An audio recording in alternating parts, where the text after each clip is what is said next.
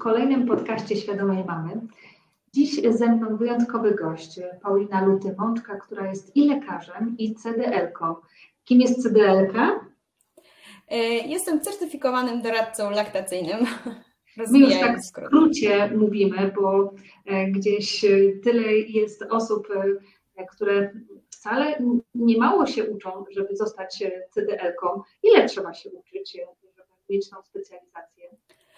No, powiem tak, najpierw y, należy przejść y, kurs teoretyczny, y, który trwa no tak naprawdę kilka miesięcy, dlatego że zjazdy są przez 2-3 dni raz w miesiącu, to oczywiście przez pandemię się trochę zmieniło, bo część jest zdalnych, część stacjonarnych zajęć, ale generalnie to trwa właściwie 3-4 miesiące sama teoria.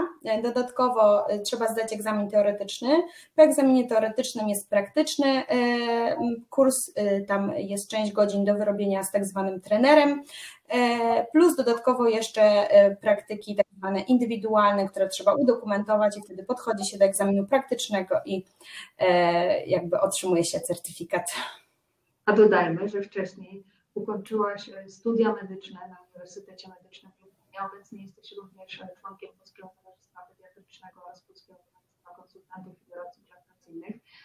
I stąd w ogóle całe to zamieszanie i ten temat, bo będziemy rozmawiać o żółtaczce u noworodka, a jesteś też lekarzem w trakcie specjalizacji z e, pediatrii. Z pediatrii, zgadza się. Mhm, dokładnie. Wiesz, żółtaczka u noworodka. Wiele mam, martwi się, że będę dłużej w szpitalu, bo żółtaczka, albo że w domu, czy to jest ok. Stąd ten temat. Chcemy tutaj trochę, mamy oswobodzić z tych lęków i niepewności. Jakie w ogóle są czynniki ryzyka wystąpienia żółtaczki? Czy my mamy na to wpływ, czy żółtaczka będzie u noworodka, czy nie? Mhm. No, y, nie do końca mamy wpływ, ale zanim powiem o czynnikach ryzyka, to tak krótko może czym właściwie jest ta żółtaczka. To y, żółtaczka jest to przede wszystkim objaw, tak? Polega on na nagromadzeniu się żółto-pomarańczowego barwnika, którym jest bilirubina.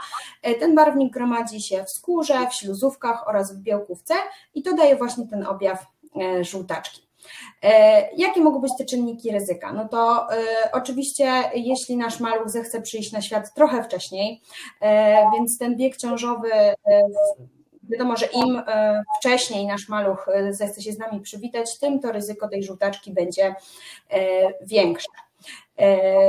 Oczywiście, jeśli też u rodzeństwa starszego wystąpiła żółtaczka, żółtaczka wymagająca na przykład fototerapii, no to również jest to zwiększone ryzyko wystąpienia żółtaczki u kolejnego mm, malucha. Czynnikiem ryzyka mm, jest występowanie krwiaków e, podokostnowych czy innych jakichś krwiaków powstałych na wyniku e, porodu, czy to drogą e, porodu fizjologicznego, czy drogą cięcia cesarskiego.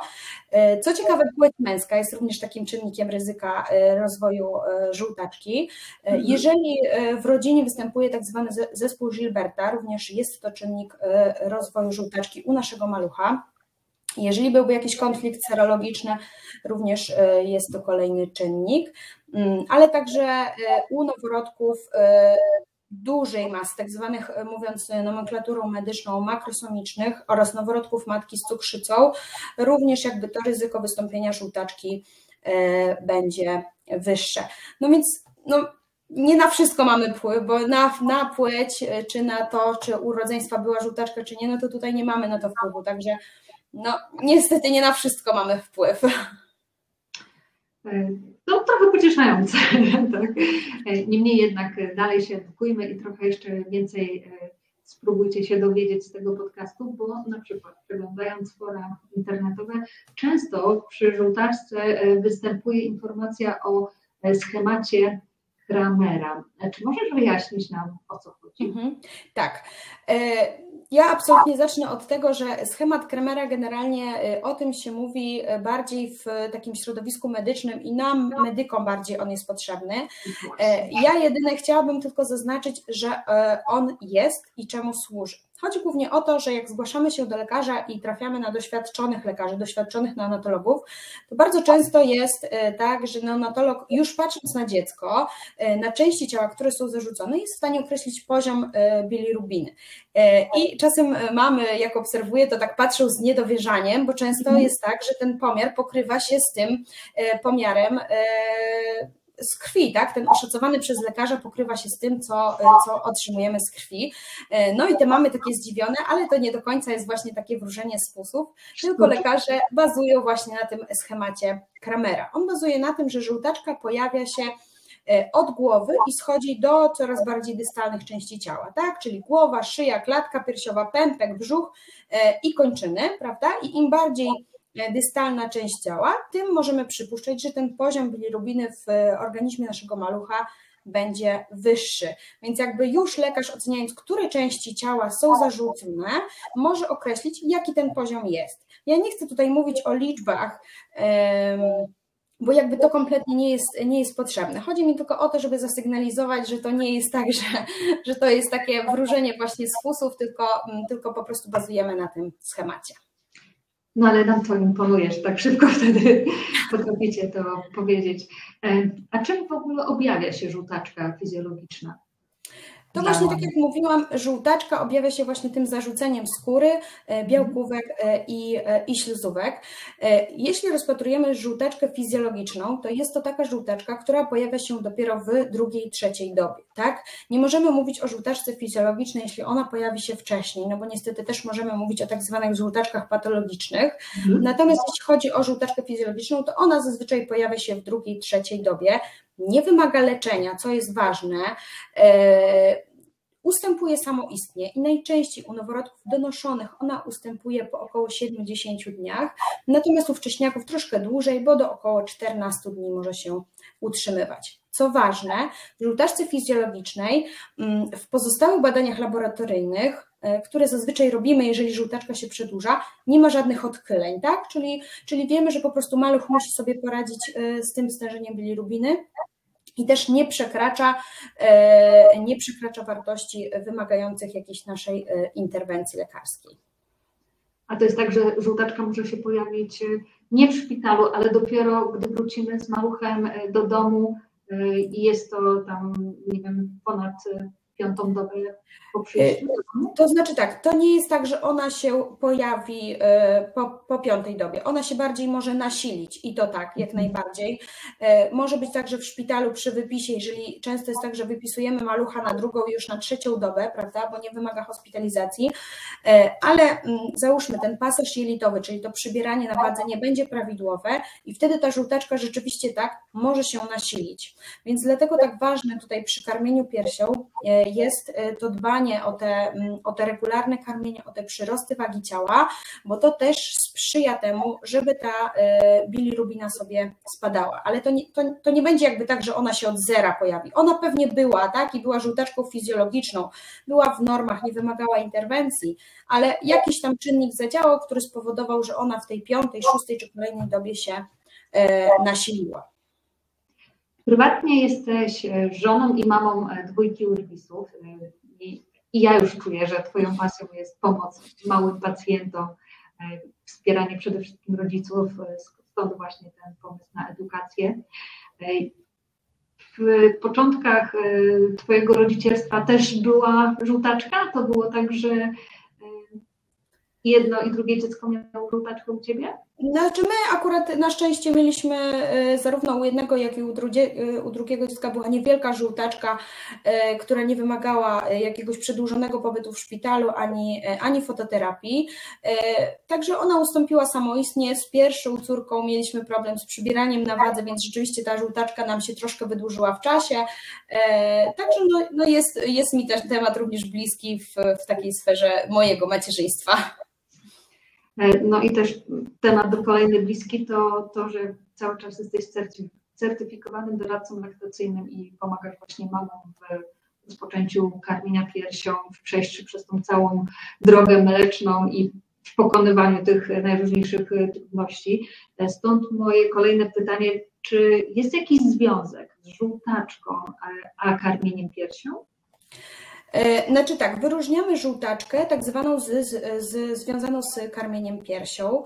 E, I to, co chciałabym powiedzieć, e, jakby w sumie na początku, bo to jest najważniejsze w tym, że jakby jeżeli ktoś z lekarzy czy z położnych rozpozna, powiedzmy, że jest to żółtaczka związana z karmieniem piersią, nie jest to absolutnie mm, wskazanie do tego, żeby takie karmienie piersią przerywać.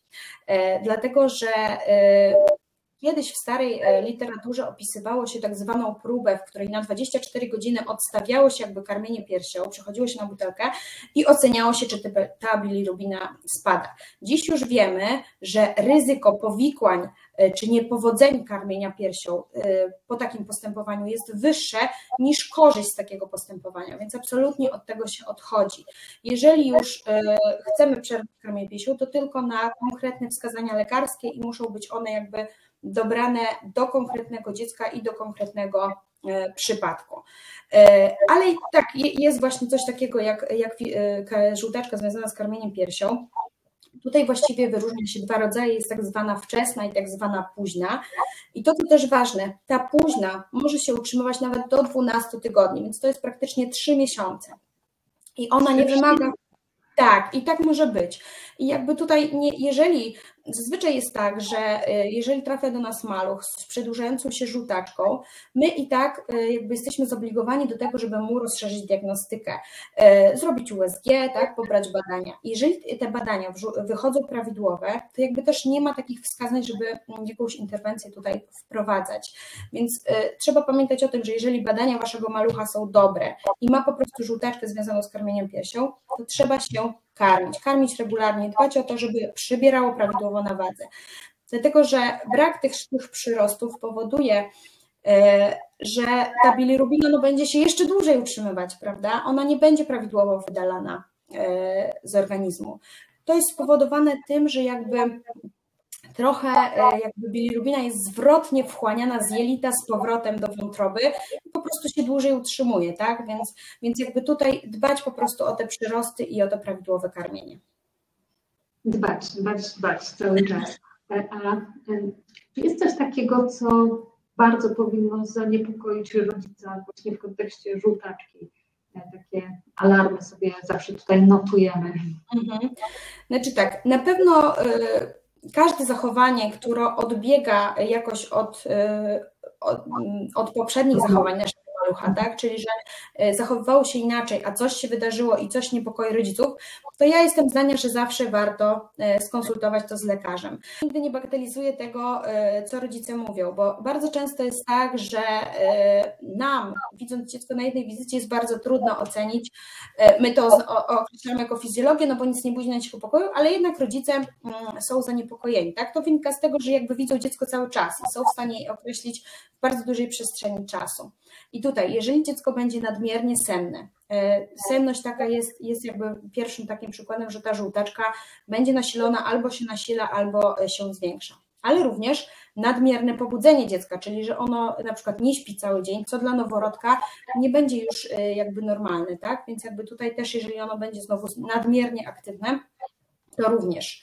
E, jeżeli, no będzie oczywiście gorączkowało, to nie dotyczy tylko żółtaczki, ale każdy noworodek z gorączką jest już takim sygnałem alarmującym i na pewno wymaga E, zbadania e, przez lekarza, tak? Jeżeli nieprawidłowo będzie przybierał na wadze, jeżeli też mm, dużo ubędzie na wadze, jeżeli ten ubytek wagi ciała w szpitalu powyżej 10% będzie i nawet jeżeli wyjdziecie do domu, e, to taki, taki maluch z takim dużym ubytkiem już powinien być pod taką powiedzmy mm, większą czujnością. Oczywiście nie mówię, że pod jakąś wzmożoną kontrolą, ale taką większą czujnością, żeby gdzieś tam mieć z tyłu po prostu głowy, że ten ubytek taki, taki był, tak? Jeżeli dziecko nieprawidłowo przyrasta na wadze, to również. Jeżeli nie wybudza się na karmienie, to też będzie sygnał e, zarówno nadmiernej senności, a co za tym idzie mm, tej nasilonej żółtaczki tak?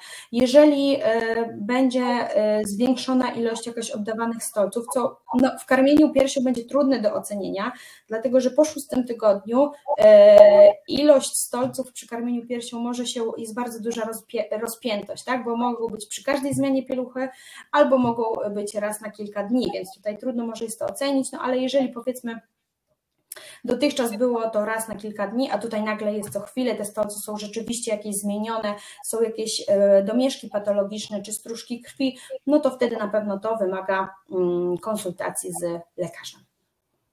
Dużo tych zmiennych, ale bądź rodzicu czujny i w razie czego właśnie konsultuj z lekarzem.